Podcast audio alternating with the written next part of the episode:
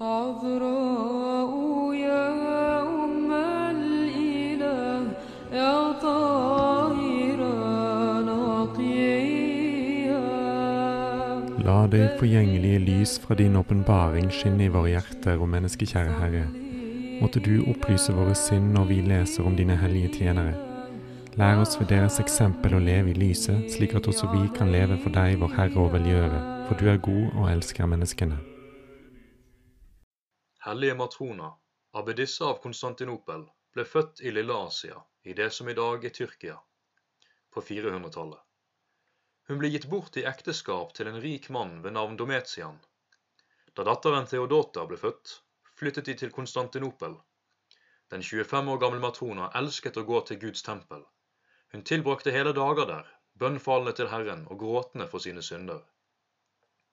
I kirken møtte helgenen to fromme, eldre nonner, Eugenia og Susanna, som hadde levd der i askese, arbeid og bønn siden ungdommen.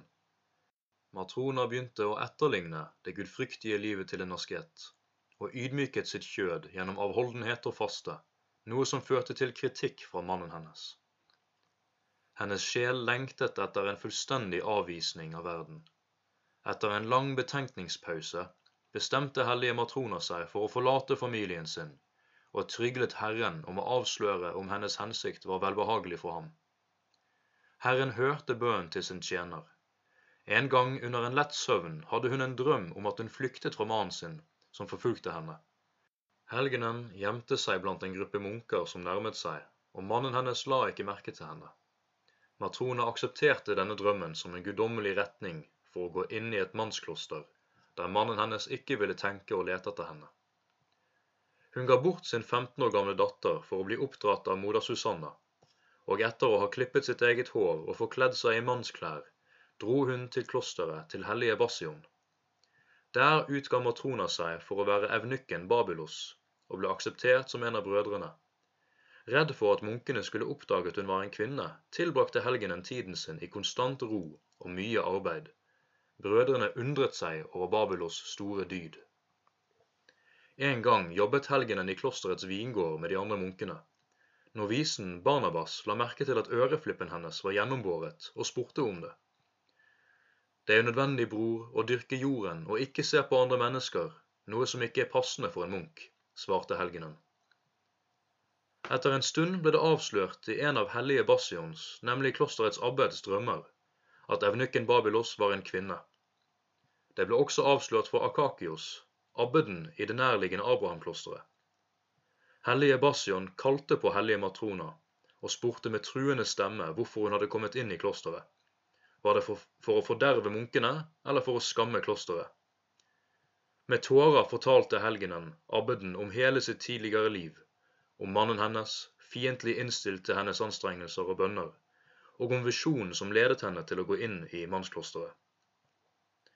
Overbevist om at hennes hensikt var ren og kysk, sendte hellige Varsion hellige Matrona til et kvinnekloster i byen Emesa. I dette klosteret bodde helgenen i mange år og inspirerte søstrene med sine høye monastiske prestasjoner. Da abbedisten døde, ble nonnen Matrona etter nonnenes enstemmige ønske leder for klosteret. Ryktet om hennes dydige aktiviteter og hennes mirakuløse helbredelsesgave som hun fikk fra Herren, spredte seg langt utenfor klosterets vegger. Dometian hørte også om nonnens gjerninger.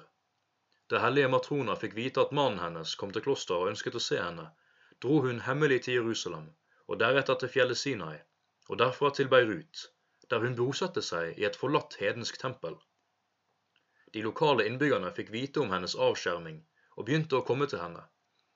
Den hellige asketen vendte mange bort fra deres hedenske ugudelighet og omvendte dem til Kristus. Kvinner og jenter begynte å bosette seg ved nonnens bolig, og snart ble det dannet et nytt kloster. Etter å ha oppfylt Guds vilje, åpenbart for henne i en drøm, forlot helgenen Beirut og reiste til Konstantinopel, der hun fikk vite at mannen hennes var død. Med velsignelse fra sin åndelige far, hellige Basion, grunnla asketen et kvinnekloster i Konstantinopel, til hvilket søstrene fra klosteret i Beirut også overførte seg. Konstantinopel-klosteret til hellige Matrona var kjent for sin strenge monastiske regel og søstrenes dydige liv. I meget gammel alder hadde hellige Matrona en visjon om det himmelske paradis og plassen som var forberedt for henne der, etter 75 års monastisk arbeid. I en alder av 100 år velsignet hellige Matrona søstrene og sovnet stille inn i Herren. Herre Jesus Kristus, hør hellige Matronas og alle de helliges forbønner, og miskunn deg over oss. Amen. عذراء